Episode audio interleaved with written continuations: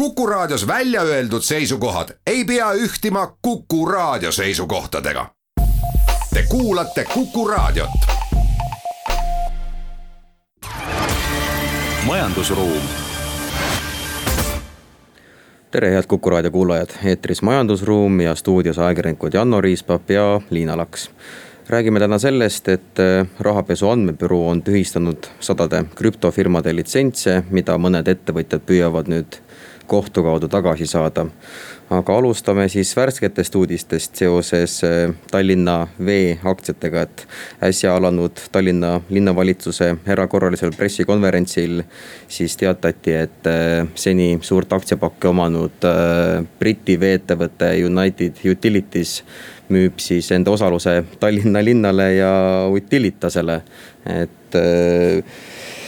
Liina, mida me siis arvame sellest?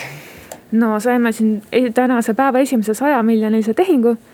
et äh, siin tegelikult müüakse väikese preemiaga, ma vaatasin, et kui praegu siin eilse sulgemishinna järgi oli Tallinna Vee aktsia hind siis neliteist eurot äh, siis äh, United Utilities saab siis aktsiatest lahti neljateist koma kahega.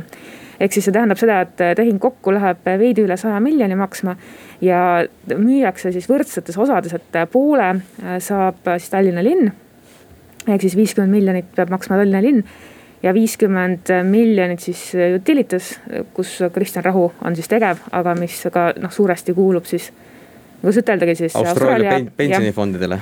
pensionäridele, kes siis hakkavad siin Tallinna linnas Äh, siis valiga tegusid tegema. et selles mõttes on ta nagu huvitav, iseenesest ta oli hästi oodatud äh, osaliselt, sest vaata äh, siin Tallinna Vesi käis ju aastaid kohtus, jõudsid Euroopa kohtutesse välja, et kas ikka vee hinda võiks tõsta ja nii ja naa ja tõenäoliselt, ega seal United Utilitasega nad ei olnud siin ka mingisugused päkapikud sees, et nad tahtsid ju noh, ikkagi tõmmata eestlase taskust, mis sai, ütleme utreerides. ja kui siis äh, see on äh, lõpuks konkurentsiamet siin suhteliselt peale ja riik ütles, et noh, et me ei taha nagu väga sellist äh, hinnatõusu, nii nagu teile meeldib. siis noh, eks siis tõenäoliselt britid vaatasid, et ei ole nagu mõtet siin ka pikalt nagu jaurata, et tõenäoliselt võib-olla vist mingi kasumiplaanid äkki tuli ümber teha jah, et äh, need arbitraaživaidlused ju just nende tariifide üle ja siis äh, kuidas seal noh, Hollandis on see juriidiline keha, eks ole, ja, ja muud sellega seonduvad asjad, et. et võib-olla nähti, et ei ole enam, et see mäng ei vääri küünlaid. aga noh, samas nüüd äh, Tallinn saab, eks ole, enamusosaluse tarbijale ilmselt väga palju ei muutu, sellepärast et kõik tariifid paneb paika, eks ole, konkurentsiamet, siis noh, ettevõte teeb mingisuguse ettepaneku, et kui palju see võiks olla ja siis siin riiklik regulaator nagu vaatab, et eh, kas tõmbame natukene allapoole seda eh, teie pakkumist või, või sobib.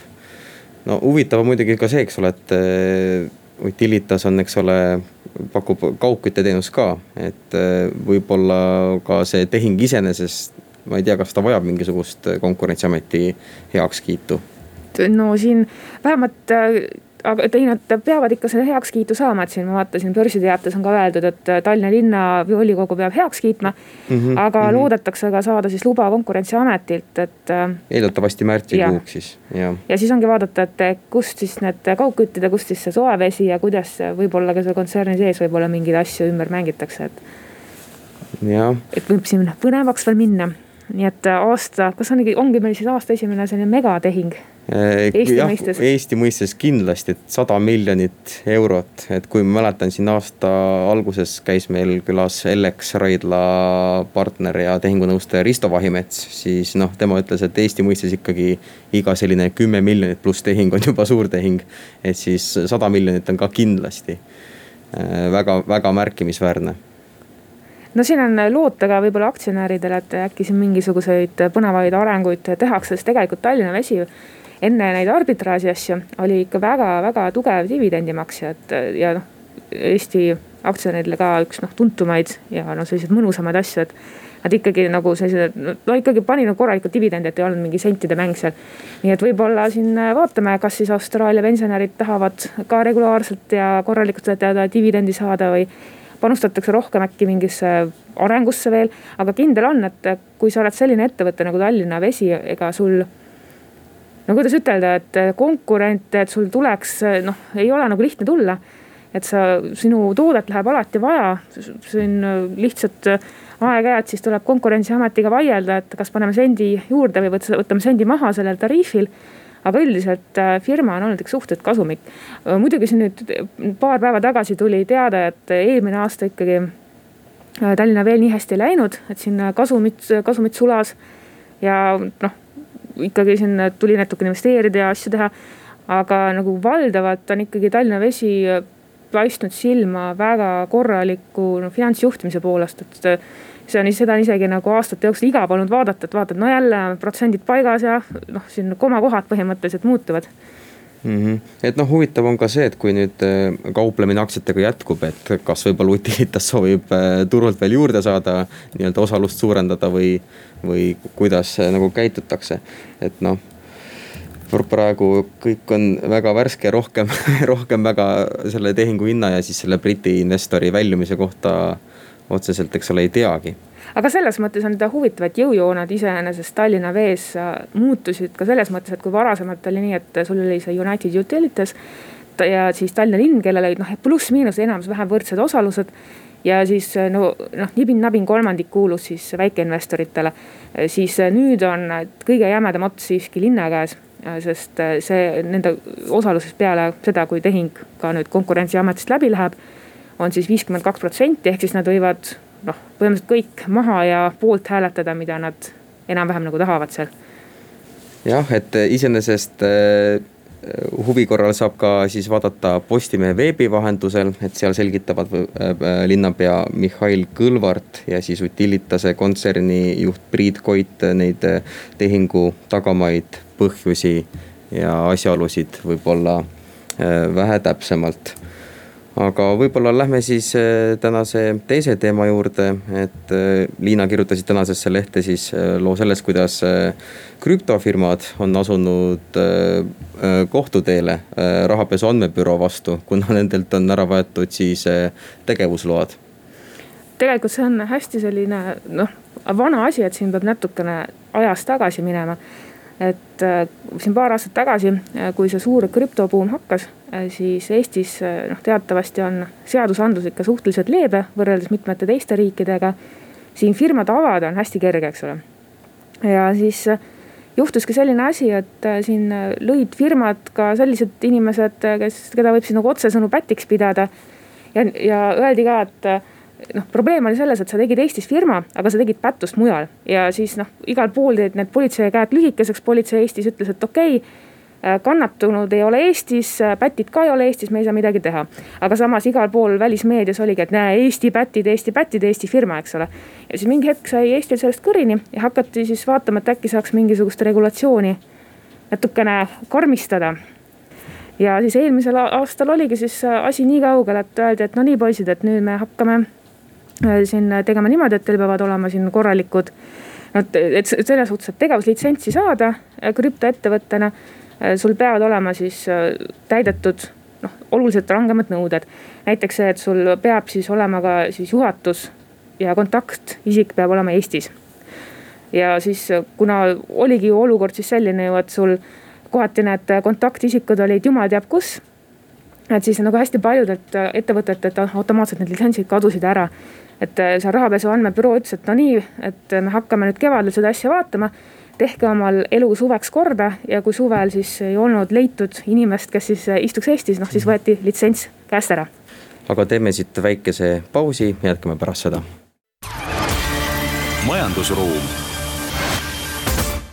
stuudios ajakirjanikud Janno Riispap ja Liina Laks. Äh, rääkisime saate esimeses osas pisut äh, Tallinna Vee tegemistest, kus ka väikeaktsionärid saavad siis viimase info kohaselt ülevõtmispakkumise, kuigi linnapea Mihhail Kõlvart äh, soovitab neil investoritena jätkata lisaks rääkisime ka siis virtuaalvääringu teenuse pakkujatest ja nende huvist võidelda siis rahapesu andmebürooga oma tegevuslubade pärast. no Liina, ma loen, et siin kokku möödunud aastal võeti tuhande kaheksasajalt ettevõttelt tegevusluba, et see näitab, et kui lai ikkagi see valdkond oli ja et võib-olla näitab ka seda, et see valdkond ei olnud nii korras, kui ta võiks olla. kui me just mõtleme äh, rahapesuriskidele, mis on siin meie pangandussektorit äh, räsinud ja skandaale toonud. et kas sinu arvates on üldse mõistlik, et võetakse nagu rohkem pihtide vahele neid? Tegelikult nagu mingit regulatsiooni nõudsid äh, ka krüptoettevõtted ise, et noh, need, kes on nagu ausamad, ütlesid ka, et kuulge, meil on nagu siin väikene metsik lääs. ja ka lihtsalt äh, siin, mis on juhtunud, ongi see, et äh, siin võeti mm, noh pihtide vahele nagu, no ütleme, et tegelikult nagu suhteliselt kõik, eks ole. et lisaks see, et sul võeti litsentse ära, juhtus ka see, et sulle neid uusi litsentse ei antud nagu niisama lihtsalt. ehk siis, kui sa vaatad, et tuhande kaheksasajalt ettevõttelt võeti ära siis tegelikult selle aja jooksul noh, tegelikult on ka näha seda regulatsiooni mõju. tahtis saada seda noh litsentsi umbes kolmsada ettevõtet ehk siis nagu seda meeletut tungi nagu enam ei olnud, et vaadati, et oi-oi, et noh, mul siin ei saa kõiki pätte Eestisse nagu füüsiliselt koha peal äkki ka tankiste saata, et noh, siis ei ole mõtet hakata sapsima. aga mis siis nagu juhtus, oli ka see, et Eestis on ja tegelikult noh, mitte ainult Eestis, on selline äri äh,, kuidas ma siis ütlen, äriviis nagu riiulifirmade müük. et sa teedki nagu firma äh,, sa ja sa võtad sellele kõik võimalikud litsentsid äh, siis juurde teiste hulgas ka siis nii-öelda selle krüptoettevõtte tegevusloa ja see äri õitses ikka päris hästi, et ma tean päris mitmeid ettevõtteid, kes no ikkagi, kui mõtled, et noh, Eesti vaata nii väike aga sul on no ikkagi, ma teadsin mingi ligi kümmet vist, kes tegelesidki selle noh, selle äh, müügiga siis. ja siis, mis juhtus, oligi niimoodi, et äh, rahapesu andmebüroo keeldus ka sellistele ettevõtetele andmast uusi tegevuslube. ja nemad ütlesid siis, et oota poisid, aga see on meie nagu äri, et kuidas me siis müüa saame, kui me ei saa nagu tegevusluba, sest et inimesed on nagu huvitatud ostmast ettevõtet, kus on siis kehtiv tegevusluba ja siis mitmed ettevõtted äh, pöördusid ka kohtusse ja ütlesid, et äh, rahapesu andmebüroo kiusab meid takistab meie äri. et äh, riiulifirmade müük ei ole keelatud ja ei olegi seadusega keelatud, seda võibki teha. aga rahapesu andmebüroo ütles, et kuulge poisid, et kui te teete Eestis firma, te võtate litsentsid peale, müüte jumal teab kellele, et kuidas te saate siis et kuidas me saame anda litsentsi juhul, kui me tegelikult ei tea, kes hakkab seda asja kasutama ja siis äh, siin kohtus on ikka väga nagu kümneid ja kümneid juhtumeid.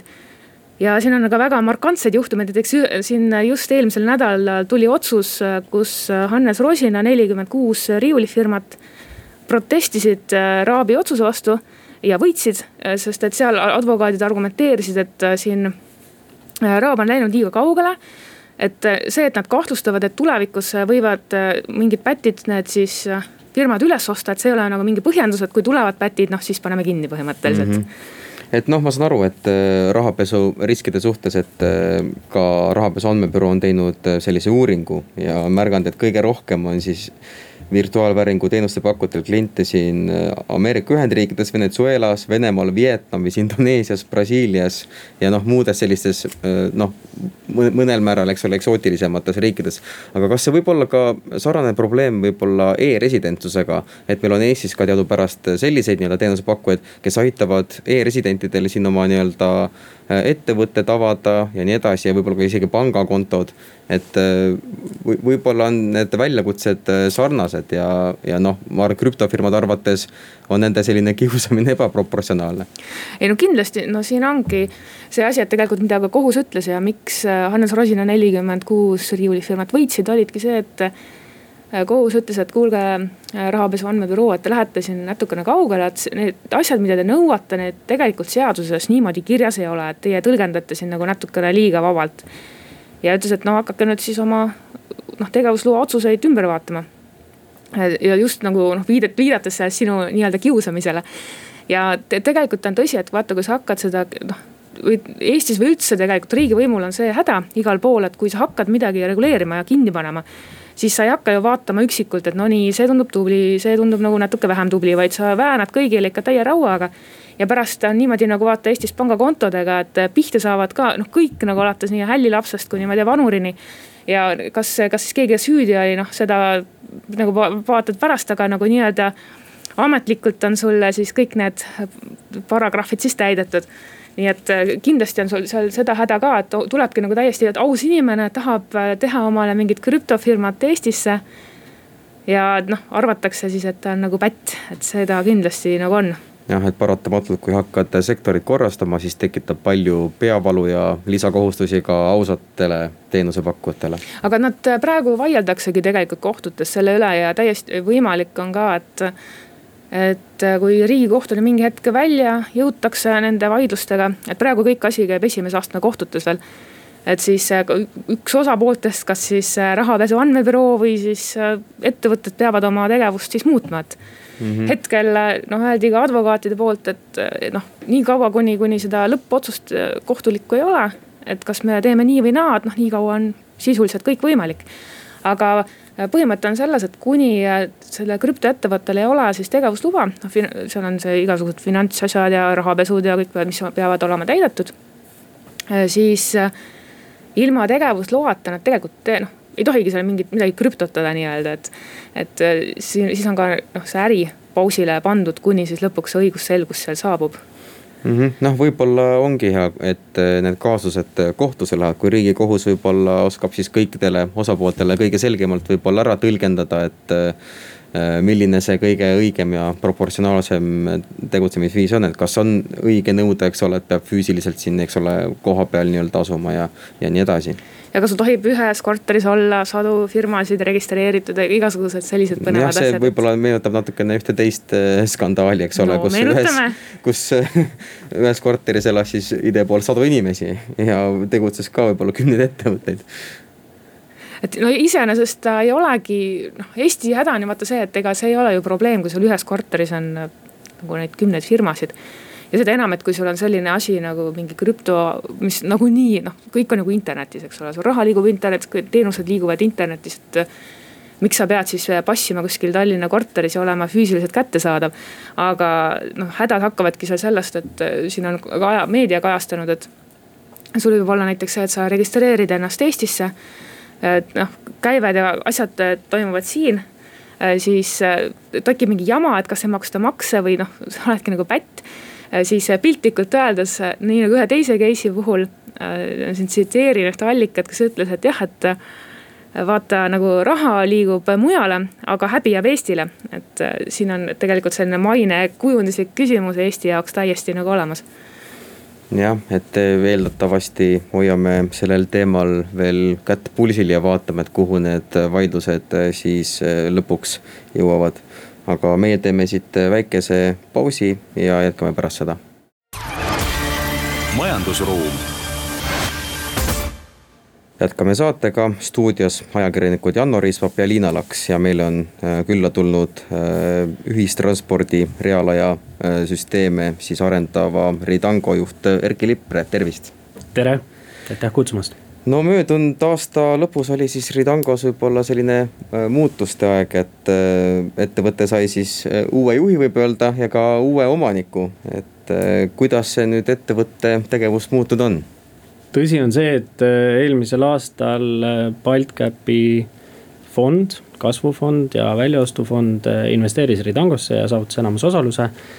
ma ise näen seda väga positiivses vaates, sest see annab kindlasti ettevõttele uue hingamise ja annab võimaluse ka institutsionaalse investoriga siis pikemaid plaane teha ja tegelikult kaugemasse tulevikku vaadata.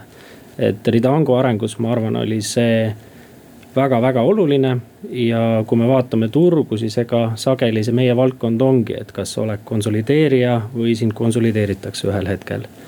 et me kindlasti täna vaatame positiivselt tulevikku eelkõige kasvu mõttes ja sooviksime pigem ise vaadata ka väiksemaid ettevõtteid, keda omandada mm. -hmm. kas kasvamine võiks olla siis nii-öelda äh, turgude mõttes, mingite toodete mõttes äh, välja arendada või kuidas?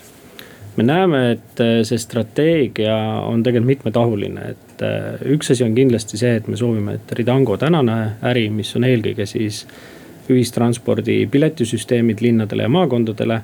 et me selle tooteliini ja, ja tootega areneksime uutele turgudele, suurematele projektidele ja teine osa on kindlasti ka nii-öelda strateegiline pool, et kuidas me saame täiendavaid tooteid turule tuua, mis võiksid olla täiendavad siis meie olemasolevale lahendusele juba. et peale piletisüsteemide me pakume ka tegelikult reaalajasüsteeme, mis puudutab siis seda, et kus asuvad sõidukid, kas nad on ajast ees, kas nad on ajast maas ja nii edasi kõige nähtavamad võib-olla tavainimesele, äh, kui me puutume kokku Ridango toodetega, on üldiselt Tallinna ühistransport või siis Elron, ma saan aru. et kas on, millised võib-olla ongi teie ettevõtte suurimad äh, kliendid? tänaseks on äh, nii, et Ridango opereerib kuues riigis meie põhiturud tõepoolest, kui me vaatame katvuse mõttes, on kindlasti Eesti Rootsi on meil väga-väga äh, oluline sihtturg, kus me väga paljude erinevate linnade ja maakondadega oleme teinud päris suured projektid. Äh, me oleme veel Ukrainas, me oleme täna Leedus, me oleme äh, Soomes, nii uskumatu kui see ole, me oleme ka Gröönimaal. ja, ja täna tõepoolest ikkagi vaatame, kuidas laiendada oma turge täiendavalt. et Eesti inimesele sageli Ridango nimi ei olegi väga tuntud ja, ja tuttav seetõttu, et me oleme ikkagi mõnes mõttes nii-öelda white label või, või nii-öelda tagataustal olev tehnoloogiaettevõte, kes pakub oma teenuseid siis äh, eelkõige bussioperaatoritele ja erinevatele linnadele ja transpordiametitele. ja need väga sageli ongi siis bränditud äh, juba linnade logodega ja operaatorite logodega, et meie oleme ikkagi, võiks öelda, selline tehnoloogiapakkuja, kes äh, annab võimaluse transpordiettevõtetele ja organisatsioonidel tegelikult müüa pileteid äh,. luua äriloogika, mille alusel seda teha äh,. ja, ja täiendavalt siis teha ka inglise keeles on selline sõna nagu revenue protection. ehk siis täiendavalt ka kontrollida ja juhtida seda, et kas inimestel ja sõitjatel on olemas sõiduõigus või mitte. et see on meie peamine selline lähenemine mm. -hmm, et selle sõiduõiguse kontrolli, kontrollimisega seoses tuleb võib-olla meelde see, et kui inimesed teevad eesti.ee-s päringu ja vaatavad, et kes neid andmeid vaadanud on, siis väga tihti on seal Ridango, kes siis kontrollib, et kas on olemas tasuta õigusõidus, tasuta sõiduõigus või siis soodustus. Absoluutselt ja, ja see, kui see avaldati siin aastaid tagasi esimest korda ja hakati näitama, kes päringuid teeb, siis kindlasti meie teenustugi ja operatsioonide tiim sai väga-väga palju päringuid, et äh, miks te seda teete. aga tõsi on see, et Eesti on üks äh, nagu me teame, Eesti on väga tugev digiriik ja, ja see võimalus, et üle X-tee automatiseeritud tegelikult päringuid teha äh,. siis õigete lubadega äh,. see on ülioluline just selleks, et automatiseerida seda pileti äh, õiguseid ja kogemusi, et see, sellist lahendust tegelikult teistes riikides on väga keeruline pakkuda.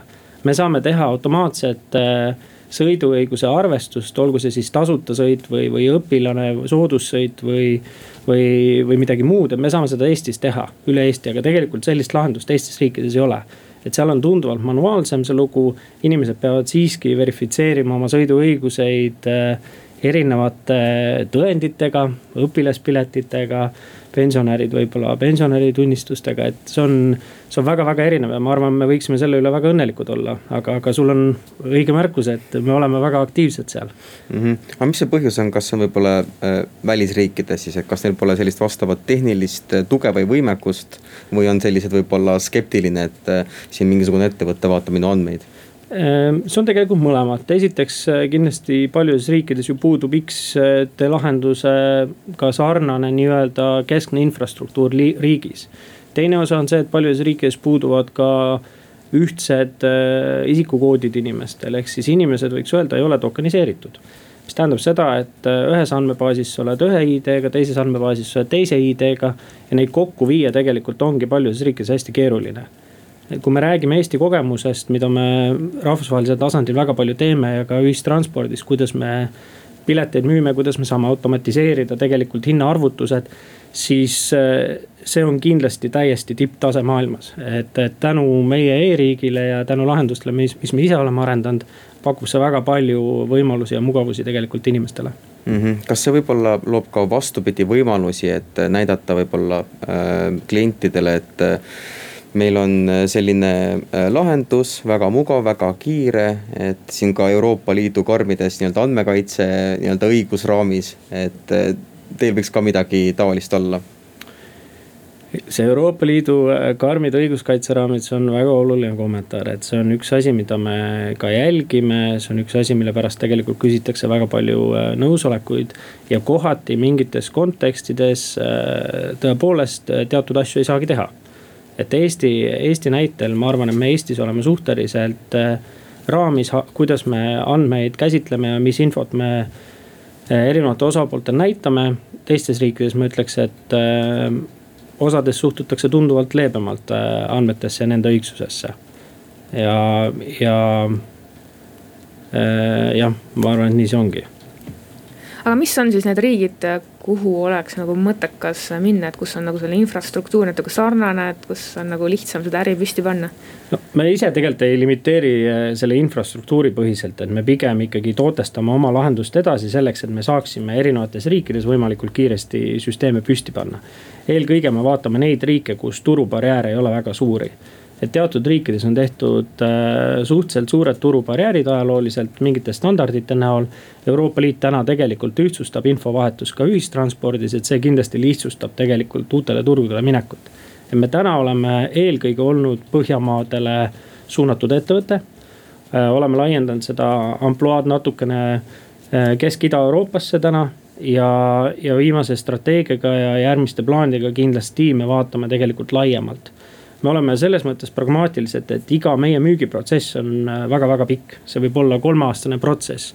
saame tuttavaks mõne osapoolega, tutvume, mis seal täna linnas on, ühel hetkel tuleb hange, osaleme hankel. see on kõik hästi pikk protsess, mistõttu me hindame tõenäosust, äh, kas me oleme edukad või ei ole edukad sellel hankel väga detailselt mida varem me kohal oleme, mida paremini me teame, kuidas mõnes linnas täna ühistransport toimib, seda lihtsam on meil tegelikult äh, oma süsteemi sinna pakkuda.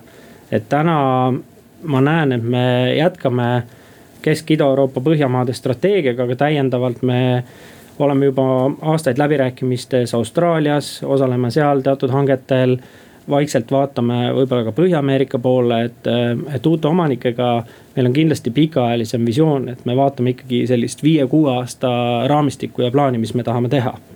ja, ja selle raames äh, tänavu me kindlasti vaatame üle strateegia, teeme uued plaanid ja investeerime just selleks, et me oleksime valmis tegema järgmise arenguhüppe siin kahe-kolme-nelja aasta pärast et me oleme suhteliselt, ma ütleks, investeeringute mahukas ettevõte eelkõige tootearenduse kontekstis, aga ka riistvaraarenduse kontekstis. ja täna uute omanike näol meil kindlasti on lihtsam võimalus teha pikaajalisemaid plaane, kus me järgmised paar aastat investeerime tootearendusse mm. -hmm et mainisite, et Gröönimaal on ka tegevus, võib-olla selline tavatu, kuidas sinna sattusite? Sinna sattusime kutsega, et mul on ääretult hea meel, et nende aastate jooksul, millal me oleme rahvusvaheliseks läinud, me täna ikkagi saame üpriski palju kutseid osaleda erinevatel hanke eelmenetlustel, kus tehakse infopäringuid eh, tehnoloogia osas, ettevõtete osas, kus kuulatakse soovitusi, kuhu poole turg liigub ja nii edasi. kuni siis ühel hetkel on hange, et, et täna me saame tõesti üle maailma päris palju kutseid. Gröönimaa oli ka kutse spetsiifiline, nad olid meid näinud, nad olid kuulnud meie innovatiivsetest lahendustest ja, ja seeläbi me sinna ka sattusime. majandusruum jätkame saatega, stuudios ajakirjanikud Janno Riispap ja Liina Laks ja külas on äh, Ridango juht Erki Lippre. Äh, pisut enne pausi jõudsite rääkida, et teid kutsutakse erinevatele nii-öelda hangetele osalema, et enda siis äh, teenust pakkuda, et kas võib-olla oskate juba siin saladuse loori kergitada, et kus veel selliseid võimalusi on praegusel hetkel? No nii nagu ma ütlesin, et äh, me oleme Austraalias äh, üritanud saada projekte ja tegelikult jätkame seal kohalike partneritega äh, proovimist. Ja, ja täna see ei ole ka saladus, et oleme osalenud ka Vilniuse uue ühistranspordi piletisüsteemi hankel ja loodame, et oleme siis ka kunagi edukad seal, et ei, ei oska öelda seda, aga kindlasti see on, ma arvan, üks olulisi asju, mida me ootame täna mm. -hmm mulle meenub äh, see, et kui siin see Boltcapiga tehing oli, siis üks äh, nii-öelda siis enda osaluse müünud äh, ettevõtjast ütles, et Ridango on startup ja startup'e nii-öelda peabki müüma, et kas te ise Peet, nagu olete ise ka, olete selle samal arvamusel praegu? ma arvan, et Ridango on selles mõttes, jah, ta oli startup ja jah, me võime teda tituleerida veel startup'iks, aga me oleme olnud selles mõttes kindlasti unikaalsed, et me oleme alati teinud ikkagi majanduslikult äh, kasumlikku äri, et me ei ole kunagi läinud äh, kaasama riskikapitali selles raames, et äh, ehitada toodet ja ja loota, et sellest tuleb äri, vot me oleme ikkagi teinud väga kindlat äri, kus me oleme alati majanduslikku poolt vaadanud ettevõttele, et me oleme meil on hästi läinud, meil on käive kasvanud, meil on äh, kasum äh, kasvanud ajas. ja me kindlasti äh, jätkame ka sellise strateegiaga tulevikus. et ühel hetkel iga ettevõte võiks öelda, et saab küpsemaks ja ma arvan, et me oleme ka küpsemaks saanud, et. ma täna võib-olla vaataks meid kui sihukest unikaalset tehnoloogiaettevõtet ikkagi Eestis, kellel on oma toode me ei tee alltöövõttu, me teeme oma toodet, mida me tegelikult turundame ja turustame ja tootestame, et saada välisturgudele, et meil on nii riistvara kui tarkvara ja see on suhteliselt keeruline süsteem ja väärtusahelas ikkagi väga kõrgel, et. et äh, meie kliendid ju potentsiaalselt äh, müüvad sadade miljonite äh, eurode ulatuses pileteid ja, ja kogu see lahendus ikkagi on meie platvormil, et see on väga-väga oluline vot siin ma küsingi, et siin viimase majandusaasta aruande järgi te teenisite siin üks koma kolm miljonit kasumit Äh, umbes kaheksa miljonise käibe juures. et eelmine aasta vähemalt avalike andmete järgi oli nagu veel kõvem. et aga kust see tuleb siis, et kui ütlete, et olite startup, samas kasum on nagu noh, enam-vähem siin viimased aastad olemas olnud, et. et miks on nagu teil kasum ja siis hästi paljud startup'id ikkagi imevad seal investorilt näppu ja on kahjumis? Ma arvan, et see on selline filosoofiline lähenemine ettevõtlusele, et et paljud startup'id ju, nende ärimudel on teistsugune ja ärimudel on ikkagi selline, et sa arendad välja toote ja üritad võimalikult eh, kiiresti siis saada võimalikult paljude klientidena, olgu see siis jaeklient või olgu see siis äriklient. ja selleks kaasatakse siis eh, väliskapitali, et seda tootearendust teha. Ridango sai ju alguse tegelikult võiks öelda spin-off'ist või, või väljaostust sertifitseerimiskeskusest. meil oli juba olemas mõned kliendid ja, ja meie äristrateegia ja plaan oli see, et kui me äh, arendame toodet ja saame uusi kliente, siis see peab olema ka kasumlik, et ma arvan, et see on selline filosoofiline ärimudeli teema, et kuidas sa oma äri üles sead. jah, meil ei ole kogu toode tervikuna valmis, et me saaksime näiteks täna minna neli korda suurematele hangetele. see otsus võiks olla, et arendame valmis kaasame raha ja vaatame, kas me oleme edukad selle raames. meie strateegia on pigem olnud äh, tänaseni see, et me arendame järk-järgult iga uue projektiga täiendavaid funktsionaalsusi ja, ja tootestame järjest rohkem oma, oma lahendusi. et see ongi see tegelik vahe, et me ei ole arendanud võib-olla toodet sinna faasi, kus ta võiks olla, et me saaksime väga suurtesse linnadesse minna. kui suur sellel alal üldse konkurents on? konkurents on olemas ja konkurents on äh, mitmedimensionaalne, et kui sa vaatad eri riike, siis seal on alati tegelikult äh, kohalikud tegijad olemas. ja mida suurematesse projektidesse minna, seda rahvusvahelisemaks kogu äri läheb, et. et maailma nimedes siin on tegelikult väga palju suurbörsiettevõtteid, kes tegelevad ka väga erinevates valdkondades, et on Cubic Transportation Systems, mis on osa Kubikust äh,. meil on Init, kes on Saksamaa börsifirma äh, ähm,. IVU, Wix Technologies, et need on suhteliselt suured korporatsioonid juba. ja nemad on siis tõesti rahvusvahelisel skaalal, skaalal ja konkureerivad nii-öelda ma ise tahaks öelda siis suurlinnade kategoorias. Äh, meie tänane strateegia kindlasti ei ole see, et me sooviks minna pakkuma Londonile piletisüsteemi. Mille a la leping oli üks miljard dollarit siin circa kümme aastat tagasi. et meie nägemus on ikkagi see, et me pakume keskmise ja ja ütleme keskmise suurusega linnadele tegelikult pileti ja reaalajasüsteeme, et see ongi meie strateegia ja see on äh, täiesti teadlikult valitud äh, sektor ja nišš, kuna me näeme, et me oleme seal head. ja me näeme, et seal meie konkurentsieelis on ka suurem Eestis arendab teadupärast piletitarkvaraga siis äh, Hugo Osula mootorgrupile kuuluv Turnit, et mis siis on tuntud teepileti kaubamärgiga, et kas te peate neid pigem konkurendiks või, või siis need lahendused äh, täiendavad üksteist, et kus ühe võimalused lõpevad, teisel nii-öelda algavad? ma tunnustan kindlasti Andres Osulat, kes Turniti täna juhib. Äh, ta on teinud sellest väga kihvti ettevõtte ja, ja ma näen, et see vastus on mõlemat et osalt me oleme tegelikult teistes äh, nišides, nemad on keskendunud äh, kaugliinide piletisüsteemidele. meie oleme keskendunud siis linnade ja maakonna piletisüsteemidele ja, ja seal on väga konkreetne äriline erisus, et linnad, maakonnad on tavaliselt kiiresti sisenemine, kiiresti väljumine, kiire pileti omandamine ühte või teistpidi või valideerimine võrreldes kaugliinidega, kus on tegelikult väga palju sarnasusi a la lennupileti ostmistega, mida sa teed tegelikult internetis äh, ette broneerimisega, enne kui sa tegelikult sõidukile lähed. Äh, küll aga meil on ka kindlasti sellist katvust, et on nemad teinud maakonnaliine. oleme meie teinud tegelikult ka linnadevahelist lahendust a la Elron ja seetõttu ma näengi, et seal on äh, nišid on erinevad, peamine fookus on erinev. mingil määral kindlasti oleme ka konkurendid äh, mainisite enne ka, et äh, tegelikult osades riikides on ka erinevad barjäärid, et üks on see andmekaitse asi ja no erinevad reeglid, et kui palju tegelikult võetakse üldse, noh.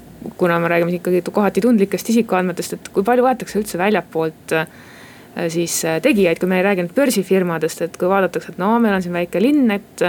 meil on omamaine tegija, siis tuleb keegi võõras, et kas siis sellist asja ei ole, et kui mõtlen, hm, las siis pigem nagu omad vaatavad meie asju sellist asja ei ole ja ma arvan, et see piletisüsteemide, reaalaja infosüsteemide peamine valupunkt ei ole kindlasti isikuandmed, et need on väga olulised ja neid tuleb õigesti äh, käsitleda ja selleks ongi Euroopa Liidus ju välja töötatud ka standardid ja, ja nende baasil siis me asju teeme, et eelkõige vaadatakse seda, et kui töökindel on su süsteem ja milliseid lahendusi sa pakud et äh, kindlasti mõni riik on natuke protektsionistlikum, kus on rohkem väikseid kohalikke tegijaid, teises riigis võib-olla ei olegi kohalikke tegijaid, on ainult rahvusvahelised tegijad. ja me täna küll ei saa öelda, et see oleks probleem rahvusvaheliselt äri teha, et pigem on see äri keerukus äh, see, mis takistab paljusid väikseid ettevõtteid rahvusvaheliseks minema, et me võime ette kujutada, et meil on riistvara, meil on tarkvara, meil on telekommunikatsiooniettevõtted, meil on pangad. meil on kohalik tugi, meil on installatsioonid, meil on järelteenindus. see kõik peab toimima laitmatult, sest äh, sajad tuhanded, kui mitte miljonid inimesed sõidavad äh, erinevates riikides ühistranspordiga ja see on see tegelikult faktor, miks paljudes riikides sarnased ettevõtted nagu Ridango ei ole suutnud minna rahvusvahelisele tasandile. et sul peab kogu see võrgustik ja lahendus olema olemas, kui sa lähed teisele turule. ja, ja siinkohal ma arvan, ma, me ise oleme kindlasti väga uhked selle üle, et me oleme suutnud minna nii mitmetesse riikidesse. olles alles Eesti mõistes võib-olla keskmise suurusega ettevõte, maailma mõistes väga väike ettevõte mm. -hmm. et te võib-olla olete ka siin äh, teist ringi siis äh, Ridango juht, et äh, mis vahepeal muutunud on nagu ikka, asjad on edasi arenenud natukene, et süsteemid on paremaks läinud, palju väga häid uusi kolleege on äh,. protsesse on natukene muudetud, uusi tooteid on turule tulemas äh, ja mis siin salata, et ise ka värske pilguga vaadata äh, uuesti tagasi tulles, see aitab, aitab väga palju kaasa tuleviku peale mõelda aitäh, meil oli külas tehnoloogiafirma Ridango juht Erki Lippre, stuudios olid ajakirjanikud Janno Riispap ja Liina Laks. kohtumiseni majandusruumis järgmisel nädalal. majandusruum